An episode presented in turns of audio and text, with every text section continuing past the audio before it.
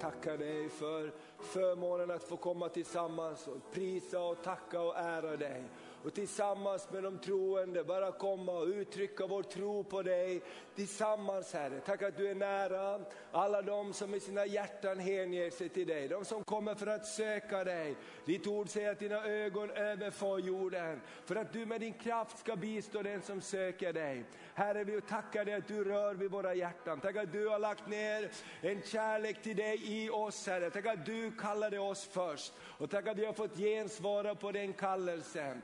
Herre, jag bara tackar dig för var och en som är här i det här rummet idag. Herre, tack att vi alla har olika behov och jag tackar dig Gud att du är mäktig att möta behov. Herre, du möter behov genom ditt ord, genom förkunnelsen idag, men också genom närvaron när vi prisar och lovar dig och tillber dig Herre. Jesus, tack att du inte är långt borta från någon enda. För dig är ingen för liten eller för stor, för dig är inget problem för obetydligt eller för stort Herre. Du är mäktiga att möta varje behov Herre. Och vi kommer till dig Gud. Lär oss att alltid komma till dig. Lär oss Herre att alltid förtrösta på dig. Lär oss Gud att slänga oss i din famn Herre, i livets alla situationer. Och vi ber Gud, dra oss närmare dig dag för dag. Herre vi tackar dig för det, i Jesu Kristi namn. Amen, prisat vare Herrens namn. Och allt folket sa det. Amen.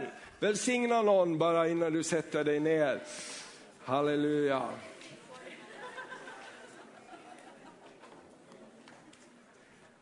Amen. Tack Jesus, tack Jesus. Tack för lovsången. Det är en viktig del av gudstjänsten att få komma tillsammans och prisa Jesus, upphöja honom, tacka honom. Och det är också en träningssak i det, att vi lär oss att gå inför Guds tron för hans skull. Och ibland kommer vi så inriktade på vad vi behöver, det och det och det. Jag tror Herren i allt det här vill också lära oss att komma inför Gud för Guds skull. Och det ligger en hemlighet där, för Guds ord säger att när vi söker honom och hans rättfärdighet först, vad ska vi då få? Allt det andra också. Så jag tror att Herren lär oss också att vara i hans närvaro och tillbe honom, inte bara för att vi ska sjunga några sånger, utan för att vi ska få vara med Gud. Vara med pappa, ibland sjunger vi, ibland kan vi stå tysta och ta del av det Gud vill säga till oss också. Amen.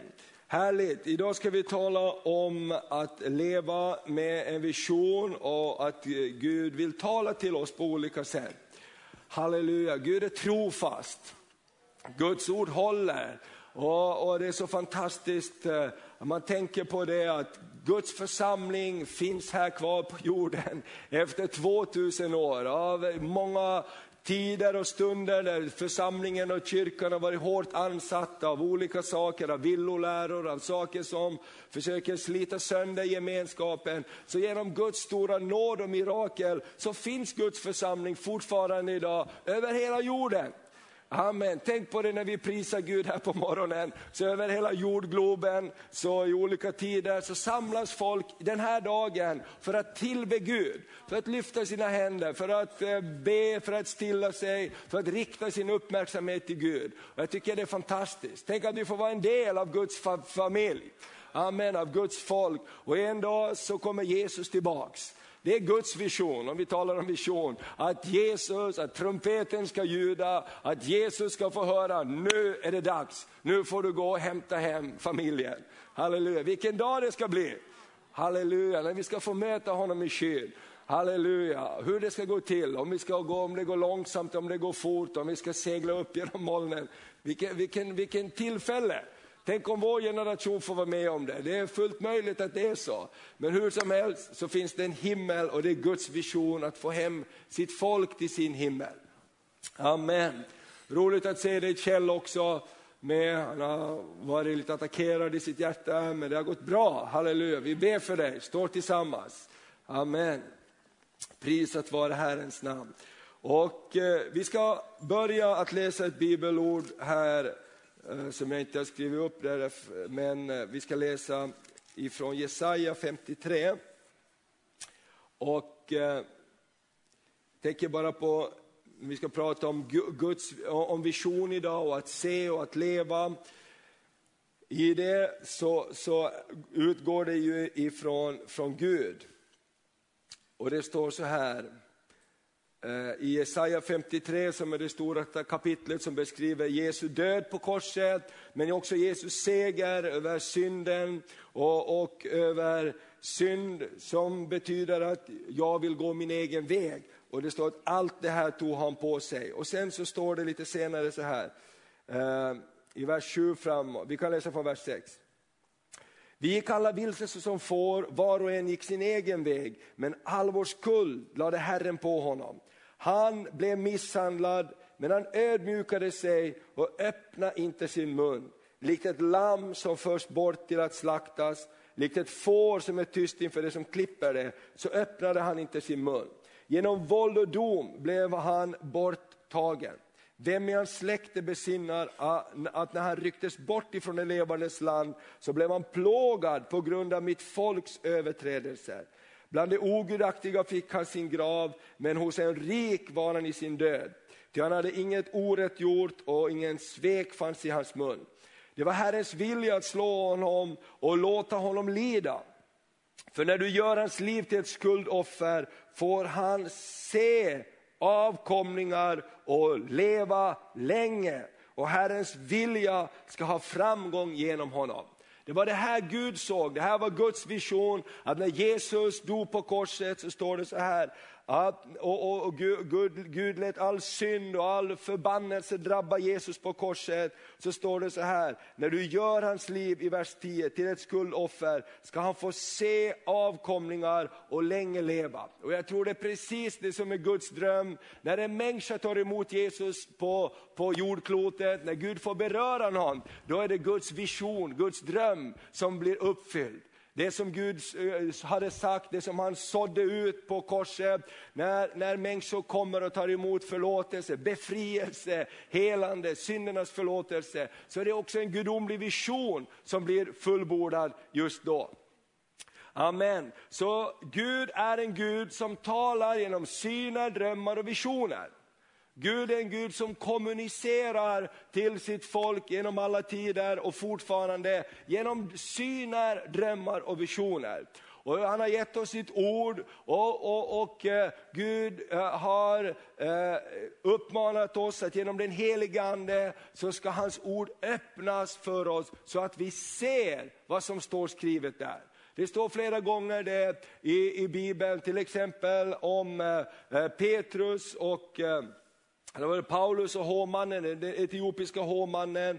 Och, och, och Herren sa att gå till honom eh, och tala om honom. Och det står att den egyptiska hovmannen, han läste men han förstod inte vad han läste. Och då så kliver eh, Herrens tjänare upp i vagnen och så utifrån detta skriftställe Jesaja började han förklara vad det menas med att Jesus skulle dö, med att han måste lida. Och det står att Egyptiens, eller hovmannens reaktion blev att här finns vatten, vad hindrar att jag får bli döpt? Alltså någonting hade hänt så att han började se någonting som han inte såg. Och det här tror jag Gud har kallat eh, oss som hans folk till, att söka Gud, att få upp våra ögon så att vi får se. Och jag tror vi alla som sitter här, vi kan, vi kan vittna om det att ibland så, så har vi sett någonting, ibland så, så glimmar det till någonting och det vi ser, det är det vi förstår och det är det vi kan leva med också. Så Gud är en Gud som kommunicerar genom syner och visioner och genom sitt ord framför allt. Och eh, vision är också en drivkraft. Det är en drivkraft i våra liv, för det vi ser, det är det som vi drivs emot. Både på gott och på ont. Ser vi något destruktivt framför oss så drivs vi mot det. Den som har haft jobbigt med ångest och, och, depression vet att de bilder man ser då inte är någonting positivt, utan man drivs åt ett håll man inte vill. Och det är fruktansvärt. Och det är därför man behöver få hjälp och man kan hjälpa varandra så att man börjar se någonting annat. Man börjar se hopp, man börjar se en framtid, man börjar se någonting annat. Och då börjar man drivas åt det, man drivs åt ljuset, åt hoppet. Och det här tror jag är någonting som är som Guds folk, vår kallelse att tala om Guds möjligheter. Amen, att lyfta upp ljuset, att visa på Guds möjligheter i en värld full av omöjligheter. Att säga, för Gud är det inte möjligt. Se vad Gud vill göra. Amen, se vad Gud vill göra. Amen, och någonting händer där så vi får blicken på någonting annat. Därför att vi kommunicerar ju och vi drivs av det vi ser på insidan. Och, och det är ju tyvärr är det ju så att djävulen som en tjuv, som själslaktar och förgör och kopierar. Det står i Bibeln att syndens makt är att bedra. Hur kan man bli bedragen? Jo, det ser nästan likadant ut. Eller hur? Om det ser väldigt olika ut så blir man inte bedragen. Eller hur? Om någon kommer och säger till dig, det här är en Volvo fast det står Saab på. Eller hur? Så då blir du inte riktigt bedragen. Va? Men om någon kineser har fixat en Volvo så står det Volvia eller någonting sådär. Allt ser väldigt lika ut, förutom kanske när du börjar åka med den. Då. Men man blir bedragen därför att det är nästan lika, eller hur? Och det är så djävulen också opererar. Han arbetar också genom vårt sinne och genom vårt, våra tankar. Därför är våra tankar och vårt sinne det största slagfältet i våra liv. Det är inte de yttre sakerna, det är inte de saker som händer runt omkring oss, utan det är det som pågår här inne som är det största slagfältet. Och det är därför vi behöver Gud. Amen. Det är därför vi behöver bröder och systrar. Det är därför vi behöver uppmuntra varandra att lyfta blicken. Amen. Är ni med mig eller emot mig här idag? Amen. Halleluja, det är bra. Halleluja, för Gud har någonting bra för oss. Och det, det är samma så här också i våra liv, alltså, så vi behöver, vi, vi behöver gensvara. Det är bra att gensvara. Det är inte bara bra för min skull, men det är bra för din skull. Eller hur? Amen. Ja, ja, det går bra att klara mig, men det, det är bra att gensvara, därför någonting förlöser i ditt liv när du säger Amen. Halleluja, någonting förlöst i våra liv, av tro också, när vi, när vi, när vi gensvarar på, på det Gud gör. Det du ser är det du får och det du ser är den sanning du lever i. Och Efesierbrevet 1 säger så här, eh, Paulus talar om det här. Nu kommer den här predikan kanske att vara lite annorlunda än du kanske tänkte, men det kommer att bli väldigt bra i alla fall tror jag. För jag ska inte tala om visioner i, i synligt motto eh, på det sättet. Gud håller på att göra väldigt spännande saker. Vi bara säger det här emellan också. Be gärna, det här med äldreboende eller trygghetsboende. Det håller på att öppna sig lite öppningar just nu. Så be för det att Guds vilja får ske, så kan vi säga ännu mer nästa söndag om det. Men att vi, vi kan vara bedjande. Och det är också det att det vi ber och det vi ser, det vi talar ut, det händer någonting. Fast vi inte ser det, men plötsligt så händer det mera grejer. Och just nu håller det på att hända mera grejer. Så, så be gärna för det. Ska vi berätta mera nästa söndag. Men i alla fall så, så och alltså min, mitt tal är inte om, om uh, att sätta upp en vision för ditt liv och, och sådana här saker, utan jag vill tala om på ett lite annat sätt om det här, att ha en drivkraft inför Gud. För att allt det vi ser omkring oss förändras och skiftar, men Gud skiftas aldrig. Så om Gud får bli vår vision, om han får bli vår drivkraft, att vi ska få behaga honom, då har vi någonting som bär oss igenom hela livet, oberoende vad som händer runt omkring oss. Och Paulus han ber så här i Efesierbrevet 1 och 17.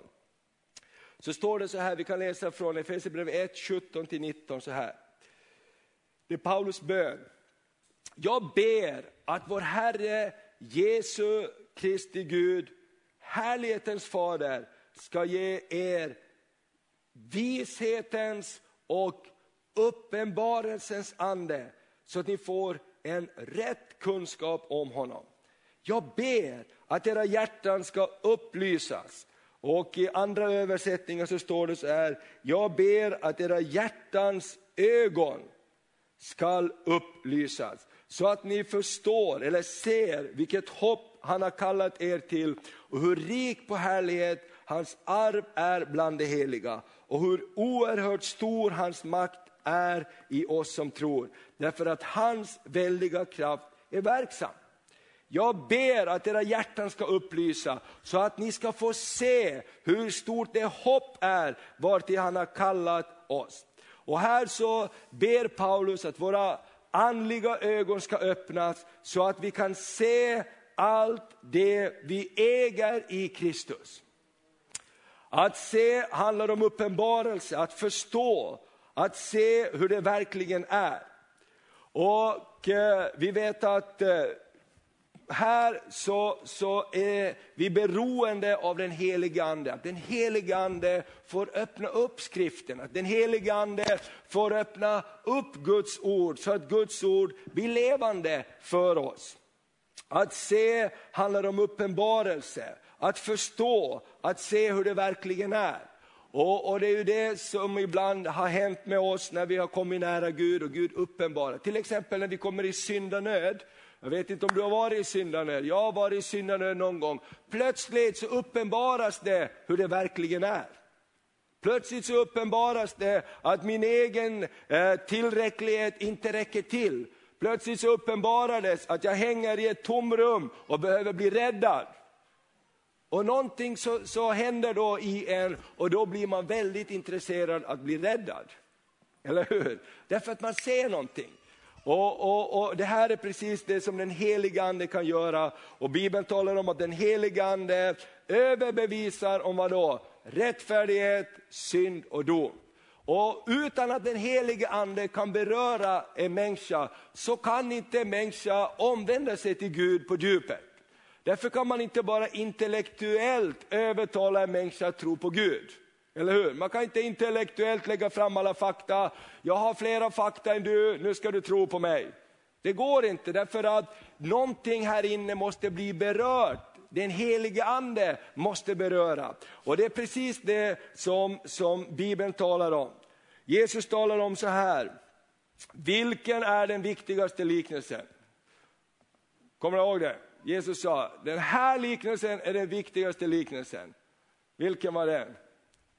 Liknelsen om sådd och skörd. Det var den viktigaste liknelsen Jesus hade. Och så står det så här, han berättar om en man som går ut och sår säd. Somt faller på jorden, i god, somt faller på vägen, somt faller vid, vid törner och tistlar vid sidan av vägen och somt faller i jorden.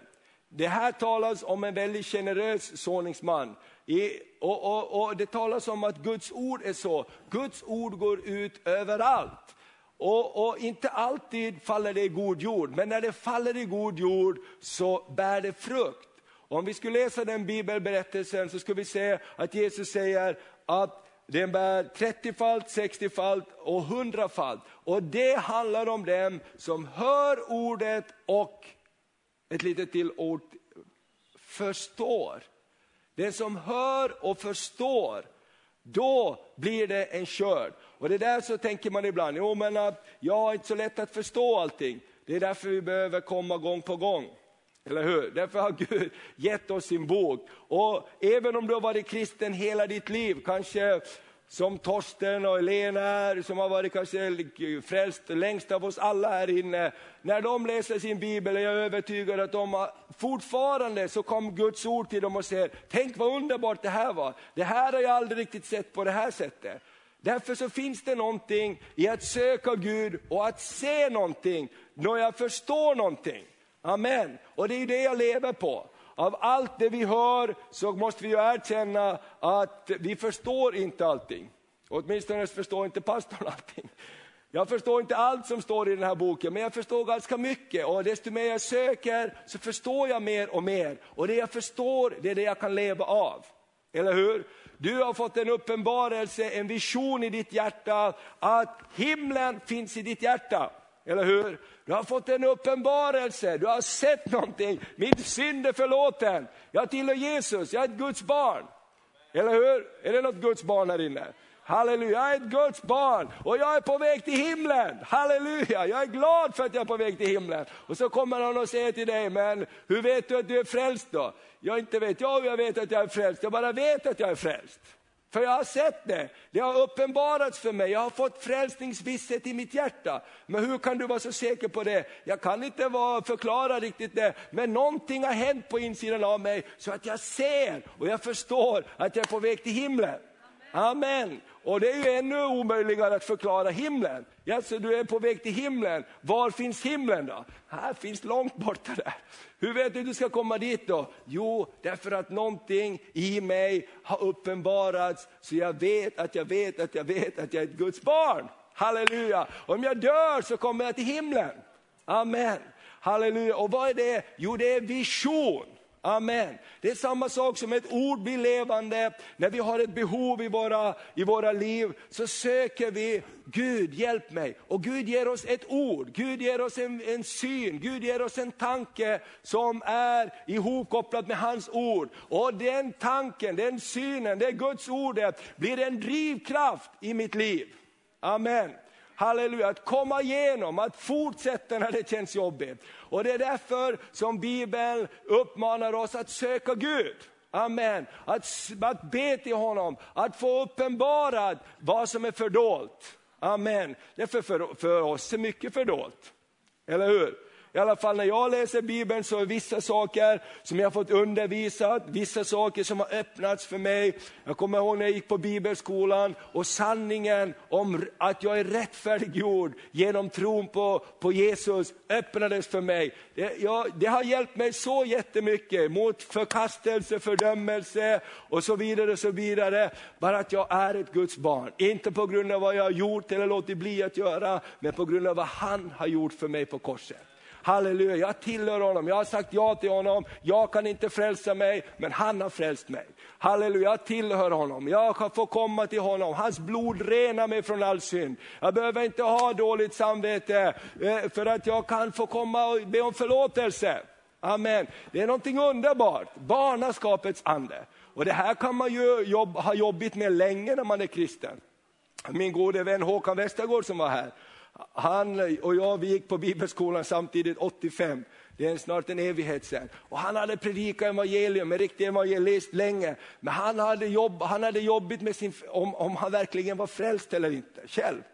Alltså det, här, vet du, du kan, du kan, det kan slita i en, därför man har inte blivit etablerad, man har inte blivit etablerad utifrån Guds ord i vem jag är i Kristus Jesus. Fått se det verkligen. Och tungomålet så frälsningen så var nog säkert en större visshet för honom, kan jag inte säga, men det var tungomålet. Det kommer jag ihåg när vi gick på bibelskolan, att han kom igenom i tungomålet. Och då var han ändå en karismatisk Maranata-evangelist.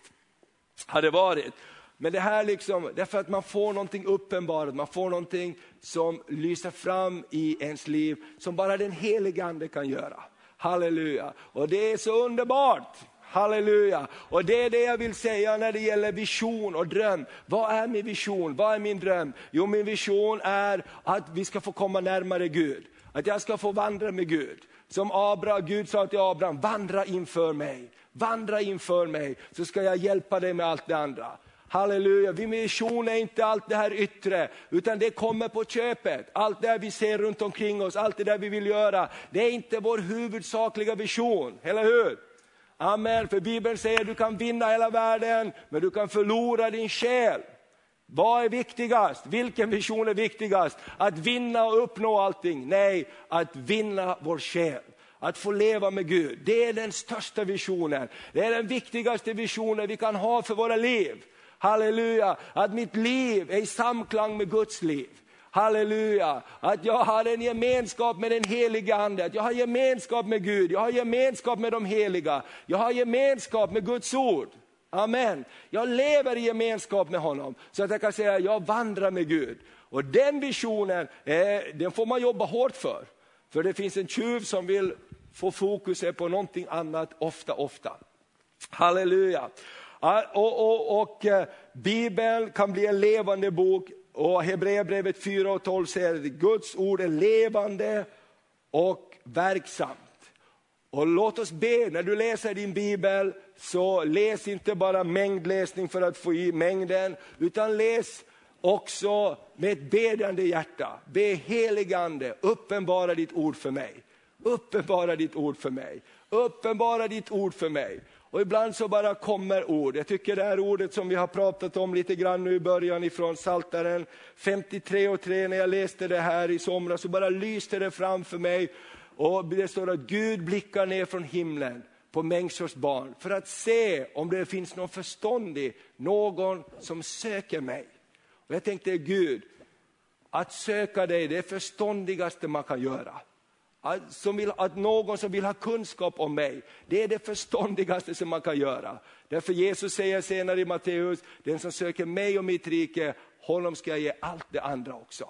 Så att i visionen, när vi pratar om vision, så, så vill jag rikta in det på, låt vår vision vara att vi ska vara trogna Jesus, leva i gemenskap och lydnad inför honom. Att han får växa till och att jag blir mindre. Att jag ska få vara med och bära mycket frukt för hans rike.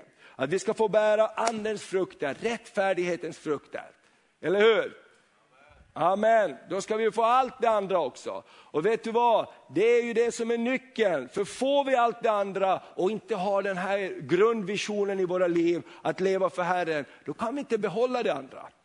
Och jag, jag ska säga eh, så här, att i, i, när vi har våra pastorsamlingar, så jag, i början blev jag lite förvånad men efter ett tag så kommer det, går det in. Va? Så brukar pastor Ulf Ekman, när vi har våra träffar och samlingar, så säger han, glöm nu din församling. Spelar ingen, sitt inte och tänk på hur det är i din församling, om det går bra eller dåligt i din församling. Det är inte så intressant. Det viktigaste är, hur är det med dig och Gud? Jag tänker så här, men vadå, jag är ju pastor, det är ju verkligt viktigt för mig hur det går för min församling. Det är ju det som är liksom det viktiga. Men egentligen är det ju inte det som är det viktiga, eller hur? Om det går jättebra för församlingen men inte mitt liv med Gud är bra, vad händer då efter ett tag? Då blir det ju krasch, bom, pannkaka av alltihop. Eller hur? Men om vi lever med Gud, även om inte allt ser så bra runt omkring oss, även om synden florerar runt omkring oss, så lever vi med ljuset. Halleluja, så säger Guds ord att ljuset övervinner mörkret. Halleluja, prisat vare Herrens namn. Så säger Guds ord att salt övervinner förruttelsen. Amen. Så om vi då fokuserar och visionerar om allt det här runt omkring oss, men inte har vår vision på honom som är ljuset, honom som är livets källa, då tappar vi ju någonting som är så otroligt viktigt. Och jag tror att vi alla nästan kan vittna om det, att där är ju brottningskampen i våra liv. Att ha visionen, att ha mitt hjärta brinnande för Jesus, att ha visionen att få bära frukt för honom, att ha visionen att, att, att få vandra med Gud, att lära känna honom. Inte bara känna känner till om honom, utan att jag kan säga att jag går med Gud, jag känner Gud och jag vill lära känna honom ännu mera. Och den visionen är väl värd att kämpa för. Amen. Tycker ni det? Ja, vad bra. Halleluja. Prisat vare Herrens namn. För jag ser allt det andra kommer på köpet. Och då gäller det ju bara att hålla i hatten, eller hur? Och då gäller det ju verkligen att vi le har levt med Gud. Jag tänker nu det här som vi pratar om med äldreboende och så här. Saker kan öppna sig fortare än vi anar. Och plötsligt kan vi gå in och börja gå åt ett håll samma sak med vår, vår TV här och vi ber Gud låt oss få beröra, låt oss komma ut med evangelium till hela det här landet och, och från den här platsen och från Örnsköldsvik. Och så ringer de här bara i veckan från kanal 10 och säger, du vi har, vi har nu tänkt så här, vi frågar, kan vi få göra en hel veckas direktsändningar från Svedjeholmskyrkan i höst? Va? Ja, men det har vi bett om, men ska vi verkligen göra det? Hur ska det gå? Eller hur? Jag menar, det, det måste vi alltid tänka på att Gud hör våra böner. Amen. Begär av mig. Halleluja. Vi äger upp varandra i bönemöten. Vi begär stora ting av Herren. Varsågod. Jag menar inte riktigt så. Jag vill vara med och titta på. Nej men Herren säger, nu har ni begärt det här, nu ska ni få gå in i det här. Och då känner man så här, tänk om hela vår vision och vår eftersträvan är att nå det där, nå det där, nå det där, nå det där. Vad händer då när vi kommer dit om vi inte har flödet med Herren? Om inte vår största vision är att det här är viktigt men det är inte det viktigaste. Det här är fantastiskt men det är ändå inte fantastiskt. Det mest fantastiska. Utan det är det att hur är mitt liv med Gud? Hur är mitt liv med Gud? För jag kan vinna hela världen och förlora min själ. Halleluja, det är ju som pastor Jongi Shaw sa i en av sina böcker när han beskriver vikten av att ta tid med Gud. Och han säger till sina sekreterare, det spelar ingen roll vem som ringer, när jag har min tid med Gud, den här liksom, han hade en viss tid varje dag där på kontoret med Gud när han bad, då får jag inte bli störd av någon. Och då ringer ju landets president, därför att de har ju många regeringsmänniskor som är i sin stora församling som nästan är en miljon och berör väldigt mycket. Tidigare hade de landets tredje största tidning, dagstidning. Liksom, de berör samhället ganska kraftfullt kan man säga. Och då ringer de liksom från regeringskansliet och ska tala med pastor Shu och, och, och kontoristen eller sekreteraren säger det går tyvärr inte just nu. Han är här men han kan inte ta emot presidentens samtal. Det är inte klokt måste ta emot när landets högsta... Nej, därför att han har just nu ett viktigare möte. Och det här blev de väldigt upprörda på, ända tills presidenten fick höra vem han mötte. För han tänkte, vem i det här landet är viktigare? Så här, du vet vad det blev. Så sa han, nej, det var min tid med Gud. Och då fick han en väldig respekt för det. Därför att det var någonting som var viktigare och det var det han behövde. Och jag tänker det, tänk att det skulle få vara vår vision. Vision, uppliva den visionen. Herre, jag vill vandra med dig. Gud, upplys mina hjärtans ögon så jag får se allt det underbara du har för mig. Halleluja, han som förmår göra långt mer än vad jag kan be eller tänka om. Amen. Amen. Det får vara vår vision. För kristendomen handlar ju om att se se sanningen om mig själv, min situation, men också se sanningen om Gud och hans möjligheter. Kristendom handlar om att se sanningen om mig själv. Jag är i behov av hjälp. Eller hur? Är det någon fler som är i behov av hjälp här inne? Det är ju sanningen. Så länge man inte ser det kan man ju inte ta emot hjälp, eller hur? Men när vi ser det, då får vi ju ett annat förhållningssätt till korset. Vi får ett annat förhållningssätt till, till Jesus. Och det är det som vi brukar säga, kristna människor är inte bättre människor än andra, men vi är förlåtna människor och vi förstår att vi behöver hjälp. Eller hur? Vi behöver hjälp varje dag. Och att se sanningen om sig själv, men också se sanningen om Gud och hans möjligheter. Halleluja, att få se att det finns någonting mer.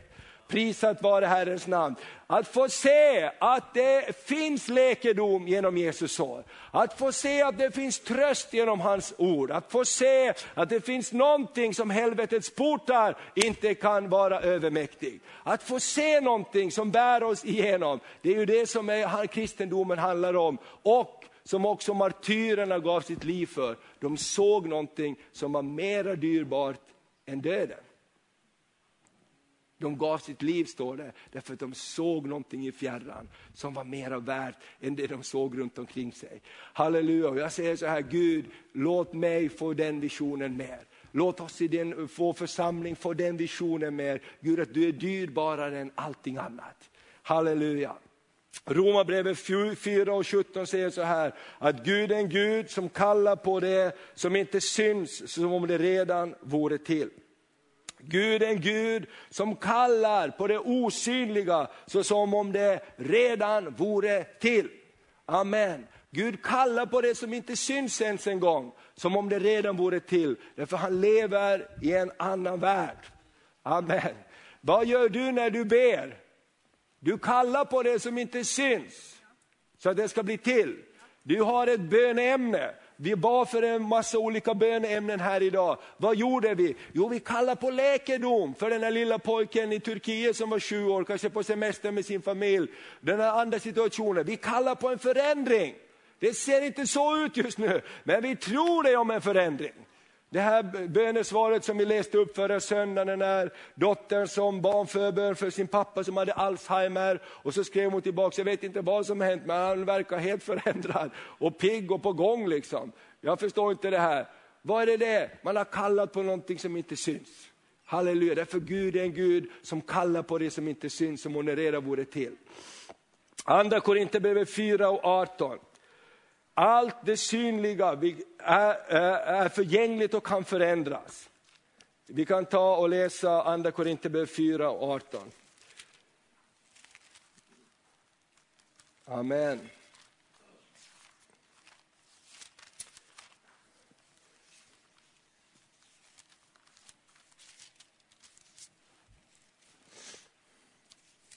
Tack Jesus. Då står det så här, vi kan läsa från vers 16. Amen. Jag bjuder på några verser igen. Därför tappar vi inte modet. Även om vår yttre människa bryts ner så förnyas vår inre människa dag för dag. Vi tappar inte modet. Därför att även om det yttre bryts ner så förnyas vår inre människa dag för dag. Till vår nöd som varar ett ögonblick och väger lätt bereder oss på ett oändligt rikt sätt en härlighet som väger tungt och varar i evighet. Vi riktar inte blicken mot det synliga utan mot det osynliga. Ty det synliga är förgängligt men det osynliga är evigt. Halleluja. Vad är det som inte förändras? Gud förändras inte. Vad är det som inte förändras? Guds löften förändras inte. Amen. Allt det här vi ser runt omkring oss, det är föränderligt. Det kan ändra på sig. Vår dag, dagens trygghet kanske inte är morgondagens trygghet. Det som vi ser runt omkring oss, allt du ser runt omkring dig kan förändras min vän. Amen. Allt vi ser runt omkring oss kan förändras, men Gud kan inte förändras. Halleluja. Om vi tänker på vår omvärld bara, tänk att Norge var ett av Europas fattigaste länder eh, vid, på, vid, vid andra världskriget. På 30-40-talet så var Norge ett av Europas fattigaste länder. Man säger att det var en av orsakerna att de välkomnade tyskarna så att vanligt folk kunde få jobb åt åt dem som kom och ockupera genom att ge mat och hålla på och ge serviceuppgifter. De hade inget jobb. Det var ett av de fattigaste länderna i Europa. Idag är Norge ett av världens rikaste länder med ingen statsskuld. De är ett av världens rikaste länder. Skulle någon ha sagt det för 60-70 år sedan, Norge kommer att vara världens rikaste land utan några skulder. Alla andra länder har skulder utan vi. Vem skulle ha trott på dem då? Nej men det som är synligt, allt synligt kan förändras. Halleluja, men någonting förändras inte, det är Gud och hans ord. Och därför att ha vår vision och vår dröm, halleluja, att leva med Herren, då kommer det att vara som Gud säger, Gud ler av dyrtider. Gud är med i uppgång och Gud är med när det går nerför, Gud är med när det går åt sidan. Lever vi med Herren så kommer vi att komma igenom. Eller hur? Halleluja. då rycks vi inte med åt det ena eller det andra. Jakob säger så här i Jakob 1 och 17, att bara goda gåvor och fullkomliga skänker kommer ner ovanifrån, ifrån himlaljusets fader, hos vilken ingen förändring äger rum. Ingen växling av ljus och mörker. Gud är bara god. Amen. Och, och Kolosserbrevet 3 säger, tänk på det som är där ovan. Kolosserbrevet 3 och 1 säger, tänk på det som är där ovan. Och vi kan lära oss att se från Guds synvinkel. Vi kan uppleva det här i vår bön, i lovsången och i Guds ord. Och man säger så här att bönen är uppenbarelsens moder. När vi ber så ser vi ofta. Hur många har varit på ett bönemöte och du är gladare när du går hem än när du kom dit? Jag tror att det är vår eh, erfarenhet nästan alla. Någonting har hänt när vi ber. Halleluja! Någonting upplivas i vår ande, någonting upplivas på insidan av oss som alltid fanns där, men vi levde inte i den verkligheten. För att det vi ser är den verklighet vi lever i. Och när vi ber så upplivas det här, när vi prisar Gud, halleluja. Som eh, jag kommer ihåg Ulf Ekman sa på 80-talet, var på bibelskolan och alla hade det jobbigt och kämpigt med ekonomin och att eh, komma igenom allting. Så sa låt oss prisa Gud mycket. När vi, vad vi gör vi när vi prisar Gud och lyfter händerna? Jo, vi stoppar händerna i Guds fickor. Så tar vi ut lite därifrån. Halleluja. Halleluja. Amen. Men det är också så att I surrender, Gud jag ger upp, jag behöver din hjälp, jag behöver stoppa händerna lite i dina fickor nu, jag behöver ta tag i dig här, för annars så kraschar vi allihop. Och Gud gör under när vi förtröstar på honom. Halleluja, Paulus och Silas ner i fängelsehåla, de bestämde sig att vi ska prisa Gud mitt i mörkret. Halleluja, och Gud gillade det han hörde. Halleluja! Så han sparkade i grundvalarna så alla bojor löstes och de kom ut därifrån. Han gillade det han hörde. Halleluja, inte för att omständigheterna var bra, men för att människor valde att prisa Gud i omständigheterna. Halleluja, det är därför det är viktigt mina vänner när vi prisar Gud, att vara med och prisa Gud. Det är inte liksom oviktigt, det är viktigt. Ja men jag sjunger så dåligt, jag är inte riktigt så där intresserad. Bli intresserad. Eller hur? Det är, det är så när du kommer inför Gud den allsmäktige, så oh, halleluja, prisat vare Herrens namn. Prisat vare, jag är inte ointresserad av dig, jag är intresserad av dig. Halleluja, och någonting underbart händer. Någonting händer när vi prisar Gud. Och någonting händer när vi ber. Det står så här om Petrus att han var stadd i bön uppe på taket. Och då så står det att han såg en syn.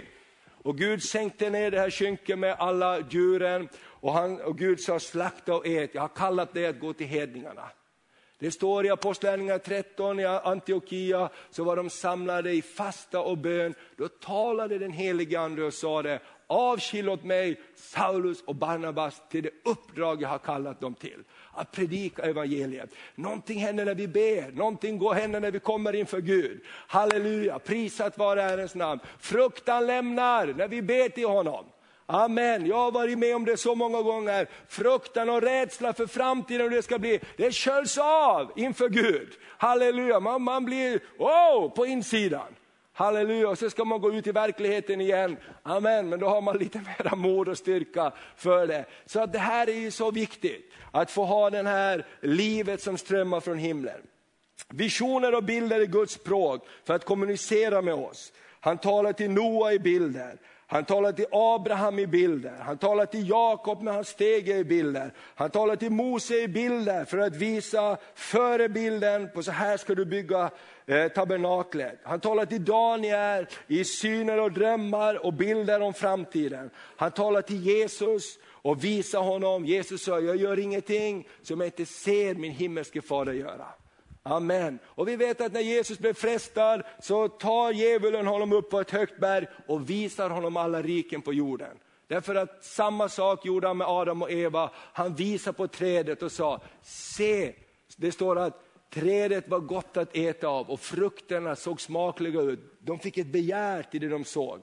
Samma försökte han göra med Jesus och sa, bara du faller ner och tillber mig ska jag ge dig alla riken på jorden. Men Jesus gick inte på den finten och han sa, det står skrivet. Halleluja, det står skrivet.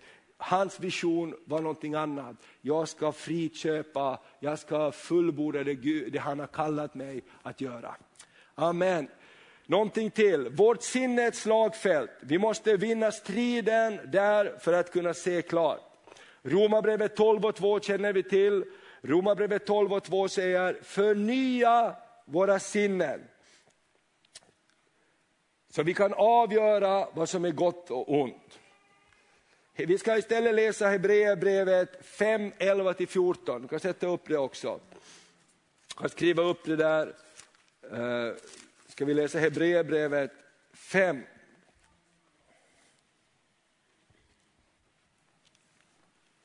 Sinnet är vårt slagfält. Vi måste vinna striden där för att se klart. Och vi måste öva våra sinnen så vi kan skilja mellan vad som är Guds vilja och vad som inte är Guds vilja. Vad som är Guds väg för oss, Guds plan för oss och vad som är fiendens plan för oss. Och i Hebreerbrevet så står det så här, vi kan läsa från vers 11. Om detta har vi mycket att säga som är svårt att förklara eftersom ni har blivit så tröga att lyssna. Det kan vara till oss också ibland. Man hör så mycket som man till sist inte hör någonting. Eller? Visst kan det vara så, det kan vara en fara för oss som kristna, att vi har hört så mycket, vi hör så mycket, vi har gått på tusentals möten och till sist hör vi inte. Och därför måste vi be, Gud gör det fräscht. Gör mig hungrig, gör ditt ord levande. Så står det så här, fastän ni för länge sedan borde ha varit lärare, behöver ni någon som undervisar er igen i de första grunderna av Guds ord. Ni behöver mjölk, inte fast föda.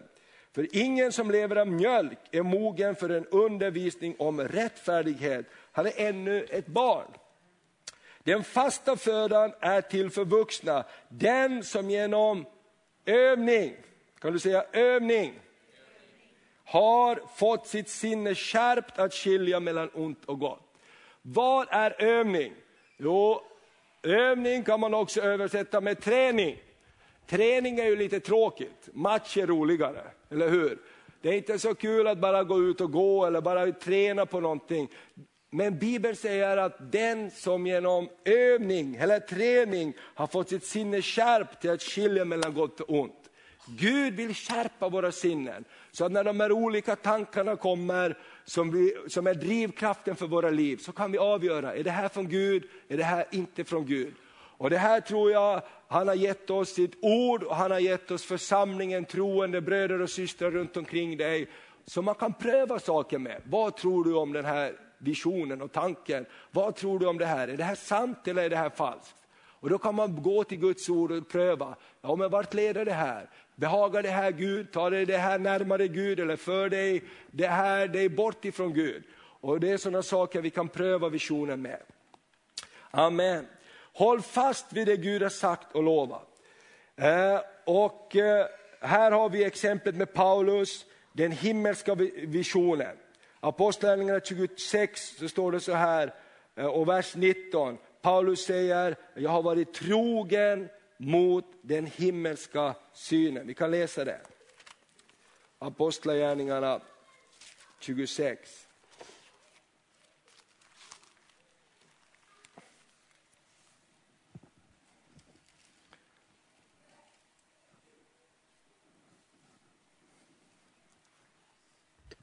Och vi kan läsa från vers eh, 15 där. Halleluja. Prisat vare Herrens namn.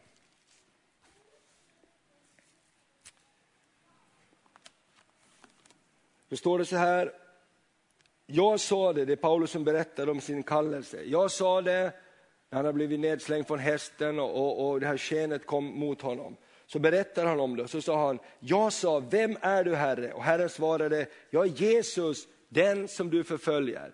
Men stig upp på fötterna, ty jag har visat mig för dig för att utse dig till tjänare och vittne, både till vad du har sett och till det jag kommer att visa dig. Jag ska visa dig någonting Paulus. Och så står det vidare så här, när jag räddade dig undan ditt eget folk och undan hedningarna, för till dem sände jag dig. Varför? För att du ska öppna deras ögon så att de vänder sig från mörker till ljus, från Satans makt till Gud. Så ska ni genom tron på mig få syndernas förlåtelse och arvslott bland dem som är helgade. Därför, kung Agrippa, blev jag inte olydig mot den himmelska synen.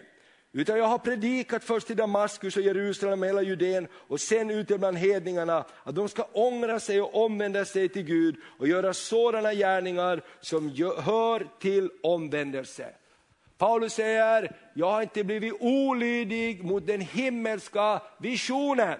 Och vad var den himmelska visionen för honom? Jo, att göra det Gud hade kallat honom att göra. Vad är vår vision? Jo, vår vision det är att sprida Guds ord, att sprida Guds rike i vår samtid. Att Gud ska bli förhärligad bland de människor som lever när vi lever. Eller hur? Att Guds ljus ska brinna mitt i vårt samhälle. Och Paulus sa så här, jag har inte blivit ohörsam, jag har inte blivit olydig mot den visionen. Halleluja! Och det är det jag tycker att är en utmaning och det är det jag vill samla min predikan kring idag. Vår vision. Låt den inte i första hand handla om de yttre sakerna. Låt vår vision vara hjärtats vision.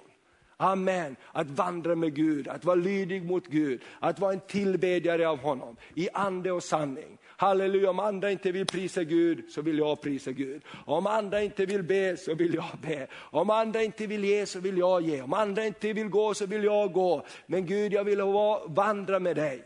Halleluja, jag vill vara lydig mot den himmelska visionen och drömmen. Och när vi fyller oss med det här, så, och drömmen och visionen om Guds rike, så påverkar det allt vad vi gör. Det påverkar hur vi ser på vårt arbete, på vår familj, på vår fritid, på vår ekonomi, på mitt engagemang i kyrkan.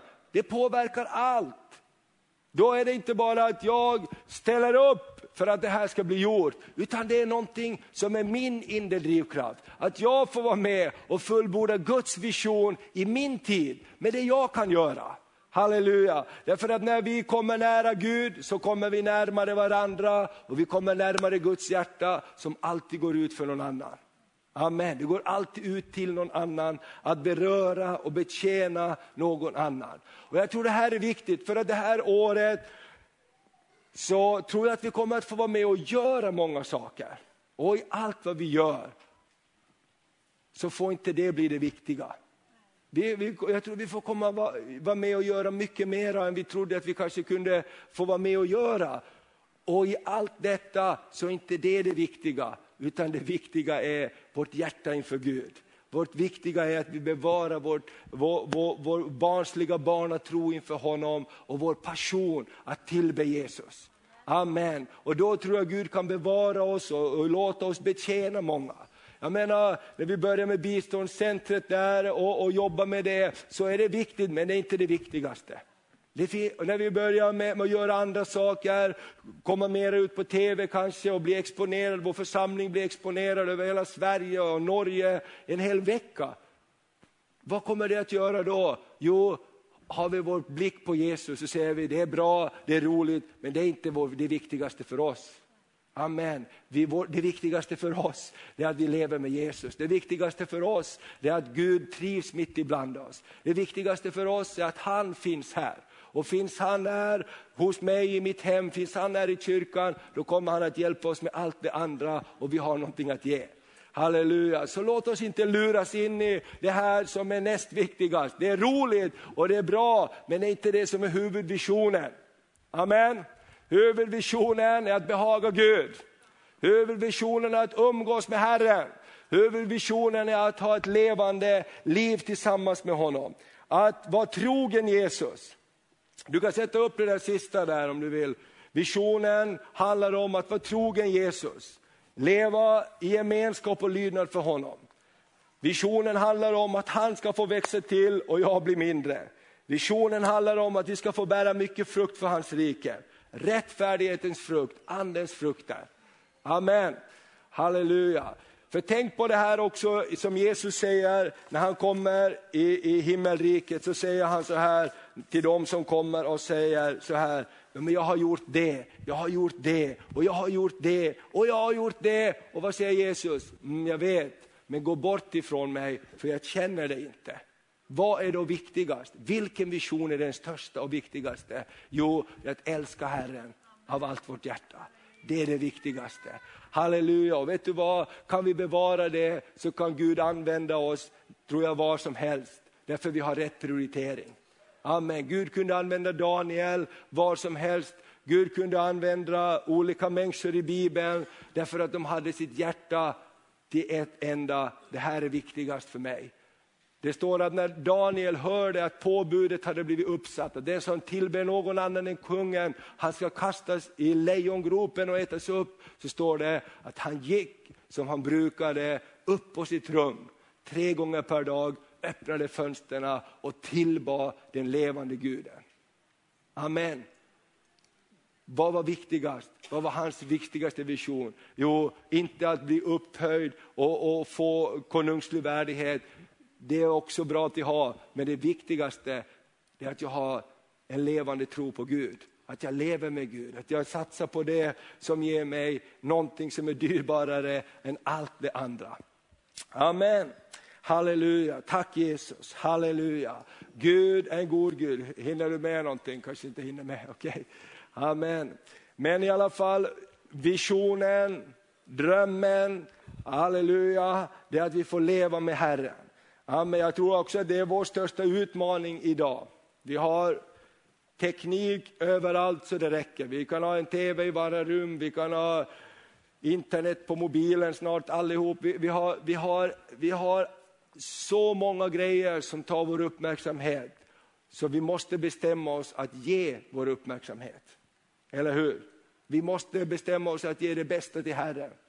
Eller hur? Vi måste bekänna, bestämma oss, Gud du är min passion. Du är min passion. Gud, du är min passion. Och sen får du ta mig vart du vill. Du får göra med mig det du vill så att jag kan få vara använd av dig. Men det viktigaste för mig är att du och jag, att vi har en relation och, och, att Guds församling, att vi får stå i ett flöde från himlen så att vi kan betjäna andra med inte det vi har utan det du har gett oss. Amen. Så att du kan lysa framför oss. Bibeln talar om att vi ska vara Kristus brev som kan läsas här i världen. Amen. Fader, jag bara tackar dig. Tack för ditt ord, Herre. Tack att ditt ord är levande och verksamt och skarpare än något tvegat svärd. Gud, ditt ord säger att vi kan vinna hela världen men förlora våra liv. Ditt ord säger att de kom inför dig på den yttersta dagen och de sagt vi har gjort det här, vi har gjort under, vi har gjort tecken, vi har gjort många saker. Men du sa gå bort ifrån mig för jag känner dig inte. Herre jag bara ber för mitt liv, för vårt liv, inför det som ligger framför. Herre låt det enda och det största vara att vi ska få lära känna dig mer Herre. Att vi ska få vandra med dig Herre. Jesus jag tackar dig också för att du är en som förlåter synder. Jesus där synder kommit till in som försöker skilja oss ifrån Gud och den här synden talar om att du inte är välkommen längre. Tack att sanningen ifrån Guds ord som säger om någon bekänner sin synd så är Gud trofast och rättfärdig och förlåter dig dina synder och renar dig i Jesu, hans sons blod. Så att det inte finns någon åtskillnad mellan dig och Gud längre. Tack att var och en av oss kan leva i gemenskap med dig. Herre, hjälp oss också att det vi tar in, Herre, det vi ser, det vi fyller oss med, det är det som också kommer att komma ut ur oss. Hjälp oss att fylla oss med dig, Herre. Hjälp oss att inte bara döda vår tid med massa saker som inte är nyttigt, Herre. Hjälp oss, Fader, att ta tid med dig, Herre. Hjälp oss att tänka på dig, Herre. Tänka på det som är där ovan. Fylla oss, Herre, med dina möjligheter. Uppmuntra varandra att se på Gud att uppmuntra varandra att se på hans möjligheter. Herre, vi ber om det och vi ber också om öppna ögon så att vi ser sanningen om oss själva, Herre. Så vi inte har för höga tankar om oss, utan att vi har, eh, lever i ett beroendeställning av dig, Herre. Och jag tackar dig Gud att ditt ord säger att du gör ingen åtskillnad på person. Du gör ingen åtskillnad per person, om man är ung eller gammal, om man är rik eller fattig, vilken bakgrund och vad man har varit med om. Alla som kommer till dig tar du emot, ingen enda slänger du ut. Och du säger den som följer mig, honom ska jag göra till en människofiskare. Jesus jag bara prisar dig för det. Tack för din vision Herre. Och i Jesu namn så tackar jag dig också att sanningen gör oss fria.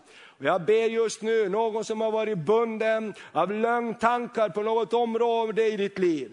Jesu Kristi namn så bara löser vi dessa lögntankar och vi ber att Guds ljus ska lysa in där och Guds frid och Guds harmoni. Så vi kan leva i frid Gud med dig och frid med oss själva också Herre och i frid med andra runt omkring oss. Herre jag prisar dig för det. Tack att du är god och barmhärtig. Tack att du är nådefull, du är långmodig och stor i mildhet. Du går inte ständigt till rätta med oss, utan du upprätthåller nåd för oss Fader. Tack att du kallar oss om och om igen Herre. Tack att det inte är ute med någon enda, utan du kallar oss om och om igen att komma och leva i gemenskap med dig. Tack att det är det största och det viktigaste.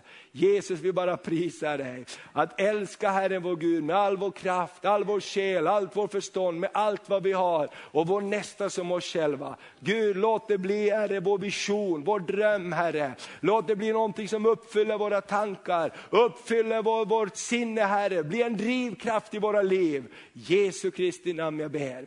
Amen, vi prisar dig för det. Halleluja, tack Fader. Tack Fader, tack Fader. Amen. Vi ska här i slutet av mötet också ge möjlighet om du vill ha förbön, om du kämpar med någonting. För jag tror också djävulen vet det här, att han vill hålla oss borta ifrån den här nära gemenskapen med Gud. Och, och, och, och, och, Han kommer med sina lögner, men att vi då får uppmuntra och be för varandra är väldigt viktigt. Så innan du går hem så kan vi be tillsammans också. Amen. Vi ska nu få vara med och göra någonting underbart. Kristoffer ska berätta lite till här och eh, visa lite bilder också. Och jag tänker på det här, jag själv när man sitter och tittar på nyheterna så är det ju nästan som man inte orkar se detta som är den största svältkatastrofen, torktiden på tror jag, 60 år i Afrika där. Och man tänker, åh vad hjälper det mig? Vad ska jag kunna göra? Men vi kan faktiskt göra någonting. Och nu är det så att vi har också vänner och bekanta som bor där nere sedan 20 år och, och eh, jobbar där nere. Kristoffer eh, och Andreas gick tillsammans med frun där på, på pastorsseminariet och jag känner dem sedan länge. Och de bor där och, och, nu var de hemma i sommar så sa de vi kan inte vara hemma längre när våra medbröder och systrar håller på att dö där nere. Vi kan göra någonting. Och det, det, då tänkte jag så här, vi kan inte bara sitta och säga att vi kan ingenting göra, vi kan göra någonting och vi vet att hjälpen når fram. Inte en enda krona går till administration på det sättet, utan allt förvandlas till ris och vi känner de människor som bär fram och ser till att lastbilarna kommer fram. Så därför kan vi inte heller säga och stänga vårt hjärta och säga jag kan ingenting göra. För att vi vet inte vad som händer. Den här gången vet vi vad som händer. Amen. Varsågod.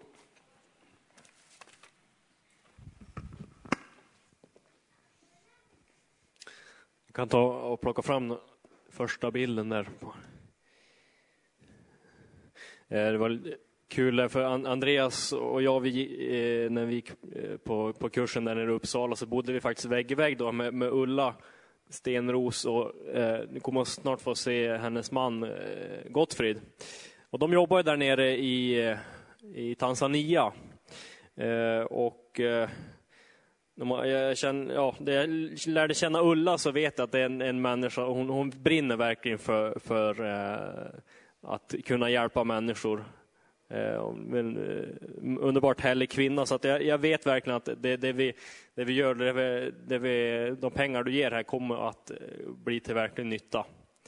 Eh, det kan du vara säker på. Eh, jag och min fru så här, vi, vi, vi vill verkligen vara med och hjälpa nu i den här situationen. Så att, eh, vi eh, tänkte vi ska ge en rejäl summa. Jag tror att du, du vill också vara med på det här. Eh, det står i, i Matteus evangelium när Jesus i bergspredikan säger att saliga är de barmhärtiga, de ska få barmhärtighet. Jag läste en, en bibelkommentar här och att denna inställning till vår nästa är vad Gud begär av oss. Ordet betecknar inte bara en känsla utan också ett sätt att handla. Det är ganska bra.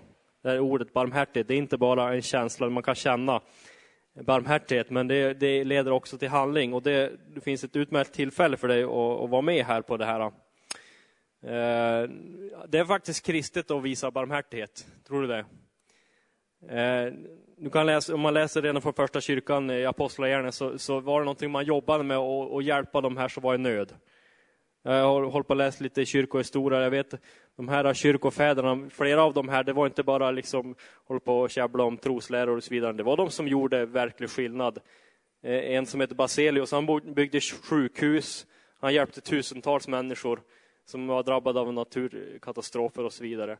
Så det, det, det är någonting som Gud kallar oss till också, att visa barmhärtighet. Så kan jag visa de här lite fler bilder. Det är såklart barnen som blir väldigt hårt drabbade. Och, och jag tror du säkert, om du är förälder själv, så kan du verkligen känna med det här. Att inte kunna, kunna eh, ha, ha mat till sina barn. Va? Eh, här är en bild av en, en kvinna gräver efter rötter till familjens föda. Eh, nästa bild kan vi ta. Där har vi då eh, Gottfrid då, eh, tillsammans med barn där fortsätta. Det är några bilder till här också. Här jobbar de då med att fördela upp den här majsen. Då. Så de skriver på deras hemsida, vi kan lägga upp en länk där som du kan gå in och kolla sen på församlings hemsida, om det arbete de gör. Fördela ut den här majsen då. Vi kan fortsätta där. Här har vi de här säckarna med majs då, som de eh, åker runt i byarna med. Här, här ser vi då hur de, hur de bor och jag tänker när jag höll på att bygga, vi håller på att byta då några fönster från två glas till tre glas. Va? va? Det, är ingen, det är ingen som vet vad det handlar om överhuvudtaget. Det är liksom bara ett, ett hål ut. Så att eh, det är sådana här omständigheter de lever i. Och jag tror att det, det du och jag kan göra kan göra en väldigt stor skillnad för de här människorna. Vi ser vi har någon, någon bild där på, på några barn här också. Och en till också. Vi kan låta den ligga kvar. Så vi ska ta upp den här gåvan nu. Eh, vi kan göra så, vi har de här lapparna och det kan du skriva då. Eh, Om du vill vara med och ge här via kort så skriv då ändamålet att du ger, ger till, till eh, arbetet då i Tanzania, Afrika. Så tror jag att vi kan få, kan få vara med och göra en skillnad. Det, det kan rädda liv faktiskt. Det är det så. Absolut. Vi kan, vi kan be för, för den här gåvan. Herre, tack Gud att vi kan få be för de här människorna nu Jesus, de här som har drabbats oerhört av, av den här svältkatastrofen Jesus. Tack att du rör vid våra hjärtan, Herre Jesus, att vi inte blir så uppfyllda av vårt eget och, och tänker att vad, vad, vad, vad, gör det för skillnad?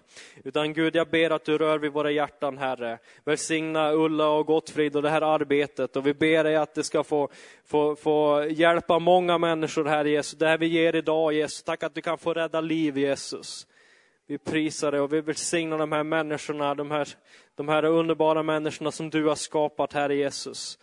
Ja, vi ber dig Herre, vi ber dig Jesus. Och vi ber dig också om, om, eh, om eh, en förbättring i situationen, att eh, det ska komma regn, Herre Jesus, att, att, att du hjälper de här människorna, att de får, får skapa sig försörjning, Herre Jesus, på olika sätt, att de, du hjälper de här som lider nöd, i Jesu namn.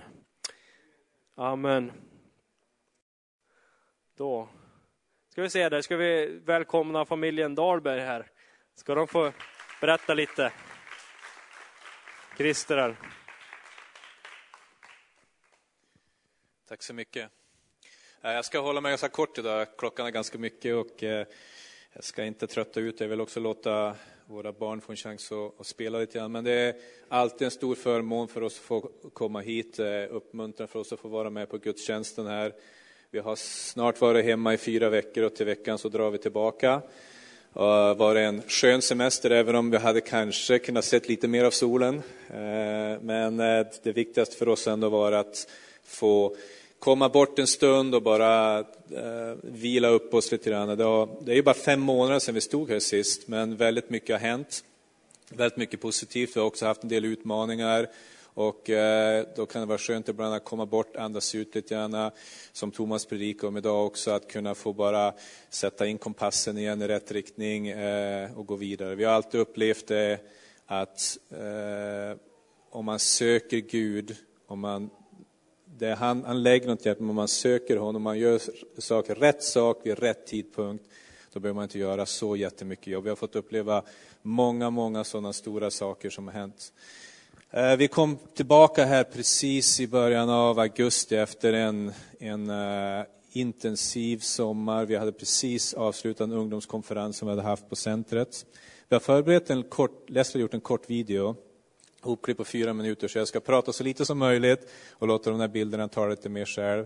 Men eh, det var full fart på den här konferensen från första dagen till slut. Det var, fast den var riktad till kristna så var det tre människor som blev frälsta. 20-tal andedöpa, 30 människor helade och så man fick se hur Gud verkade. Det var blandade talare från olika länder. Eh, och eh, det är väldigt, väldigt roligt att få vara del av det där och se det där eh, att funka. Vi har också haft mycket jobb på centret. Precis som ni vet, en sån här byggnad i sig gör ju ingenting. Å andra sidan, hade ni inte haft den här lokalen hade ni inte kunnat haft skolan och, olika saker. Så att ibland så behöver man en del praktiska saker, byggnader och man behöver grejer för att kunna, kunna nå ut.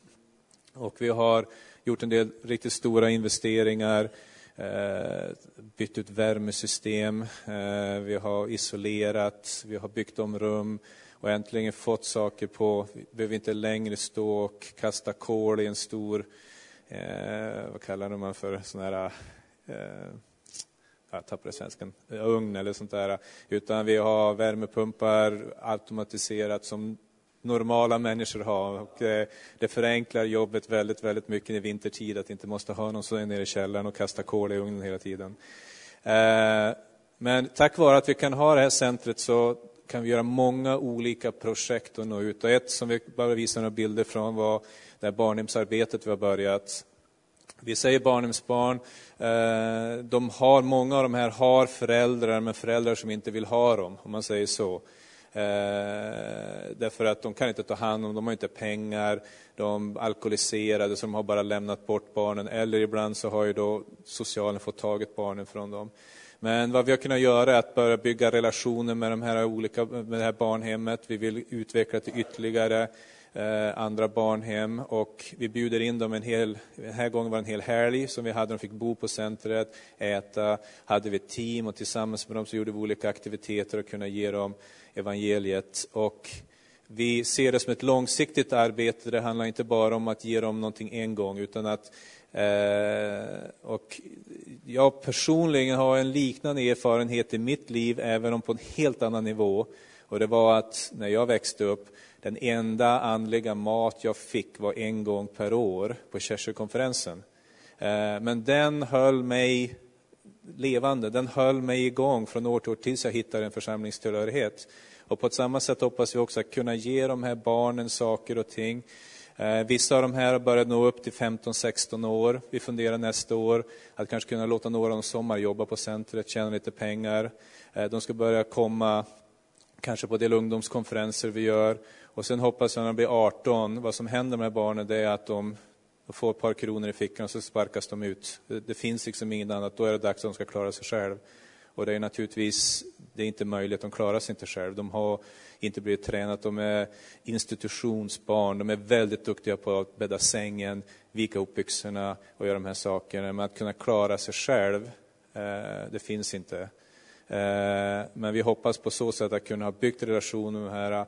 Vi har relation med olika församlingar. Kanske vi kan hitta någon som kan ta hand om dem. Kanske finns det någon företagare som är villiga att ge dem en chans, ge dem en hjälpande hand.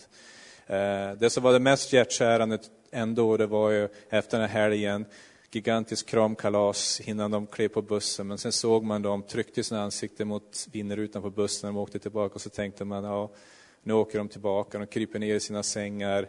Ingen mamma, ingen pappa finns där för dem. Och man tänker, vad har de för framtid? Vad har de? Och då finns det egentligen ingen, finns det inte mycket mer framtid än om man kan gå på ett evighetsperspektiv och tänka att det kommer en dag, om de får, om de får komma dit, då finns det hopp och då finns det någonting.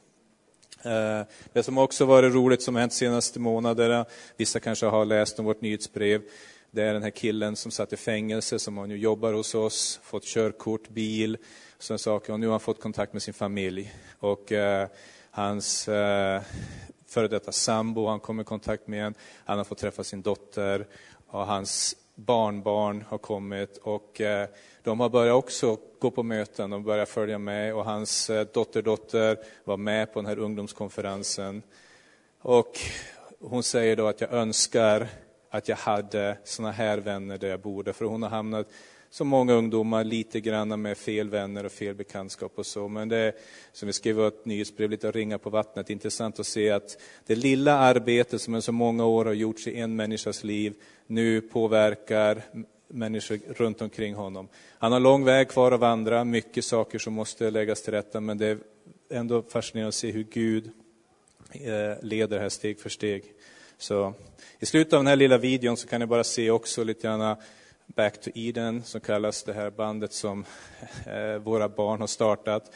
Det är återigen en sån här grej som är väldigt, väldigt roligt för oss, naturligtvis som föräldrar, men det har också samtidigt startats på grund av någonting negativt som händer. Det är oftast, ibland kan det bli så att en dörr stängs och då måste man hitta en annan. Och, eh, de var ju med, Leslie och Jasmine var med i det här lovsångsbandet som församlingen hade. Men tyvärr så la de ner det av olika anledningar bara och det fanns ingenting för våra barn. Eh, och vi undrade, vad gör vi nu? Och jag minns ändå, man kan se hur Gud, man bara ser hur Gud bara verkar. Vi satt hemma och så sa vi, ja men kanske ni kunde dra med Kim och sätta honom på trummor och ni kanske kunde börja träna. Men problemet då är att vi har pianot nere i vardagsrummen och trummorna på övervåningen och jag vill inte ha trummorna i vardagsrummet tillsammans med elgitarren så vi sa att ja, om vi hade en keyboard då skulle vi kunna ha allting uppe så kunna träna. Så gick vi då på internet, eh, slog upp någon sida, såna här eh, begagnade. Första annonsen vi ser är en keyboard, fantastiskt fin keyboard. Eh, ibland är Gud så att ibland ger han lite mer än man kanske hade tänkt från början. Men eh, kostat ja, kanske 18 000 svenska, använd en gång, sänkt till 12 000. Så vi ringde honom och han sa, ja, han är proffsmusiker, eh, behöver sälja den jättesnabbt, han har fått ett fantastiskt erbjudande på en jättebra och han behöver pengar snabbt. Så kände jag bara, ja, men vi, vi bjuder, jag tror vi bjöd eh, 8 eller 9 000. Ja, sa han, okej okay då, eh, ta det. Och så ringde jag, skickade två e-mail till två församlingar. Redan den kvällen fick jag svar, ja, vi ställer upp och sponsrar. Och nästa dag åkte vi och hämtade den. Och det var en sån här sak som det, liksom, det, det bara hände. Och eh, då började de att träna tillsammans och eh, det var intressant att se vad de har gjort. Och de har varit med oss, och vi har varit och predikat och de har spelat och lett eh, lovsång och så. Men ni kan komma upp om ni vill. Eh, som sagt jag vill inte ta något mycket mer av er tid. Jag vill låta dem få en chans att spela några sånger också.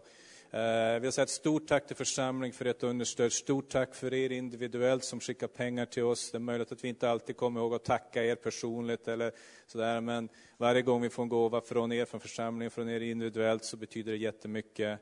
Eh, skulle det vara någon av er som vill ha vårt nyhetsbrev direkt via e-mail och sånt där, så tala bara om det för oss, så tar vi er e-mailadress och så. Eh, vi uppskattar det väldigt mycket. Eh, vi har haft en del utmanande situationer också. Eh, det har varit skönt att få prata med några människor och saker som hänt där nere med församlingen. Ibland kan det vara svårt att hälla nytt vin i gamla vinsäckar, som man säger. Men vi vet att Gud har, Gud är Gud. Vi, har, vi brinner för att få se människor frälsta och eh, vi åker tillbaka Eh, vet att vi kommer att fortsätta att jobba på en del saker som vi håller på med. Vi vill också se vad vi kan göra i, eh, när det gäller församlingen och några bitar där. Men det är i alla fall uppmuntrande att se för oss att även om ett band lades ner så föddes någonting nytt som vi hoppas kan eh, byggas vidare på. Det som är uppmuntrande för mig, jag älskar unga människor, jag älskar ungdomar.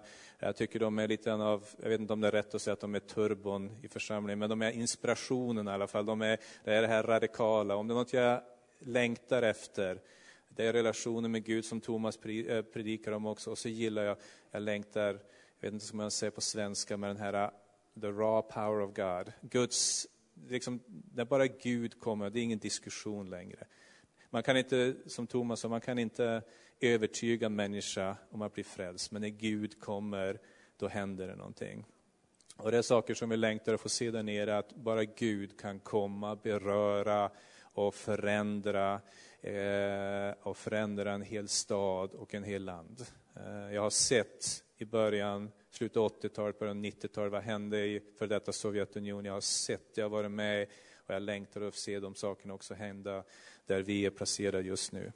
Eh, lämna över ord till dem. Eh, jag har också fått lärt mig lite grann att man jobbar med unga, med unga människor måste man ju kanske styra lite grann, men samtidigt så vill man inte styra för mycket. För att det finns saker, det finns smörjelse över unga människor, de kan gå. Eh, den musik de spelar har de skrivit själv. Och eh, ett tag så försökte jag säga lite, oh, men ta lite vanliga sånger som folk känner igen också, så att jag tvingade Leslie att sjunga några sånger som var gjorda av Hillsong eller någonting annat sånt där. Och så lyssnade jag och då var inte riktigt samma smörjelse där. Utan de förstod det här, att det här är sånger som är skrivna från deras hjärtan, de är sjungna från deras hjärtan. De är saker som de har fått från Gud och ger vidare. Och då är det där smörjelsen finns. Så.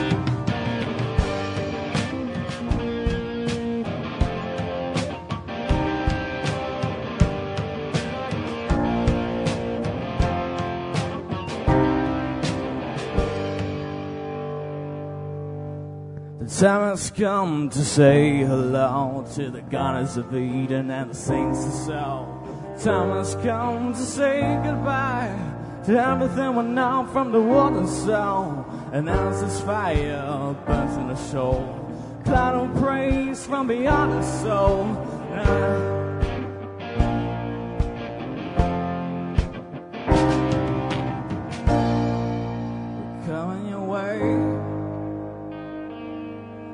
kingdom is here to stay.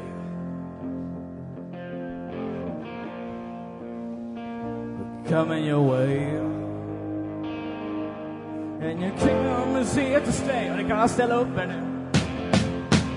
I want back to Eden, to the place where I was once deceived. I want back to Eden, see your face again. The place where I was once deceived. I want back to Eden, see your face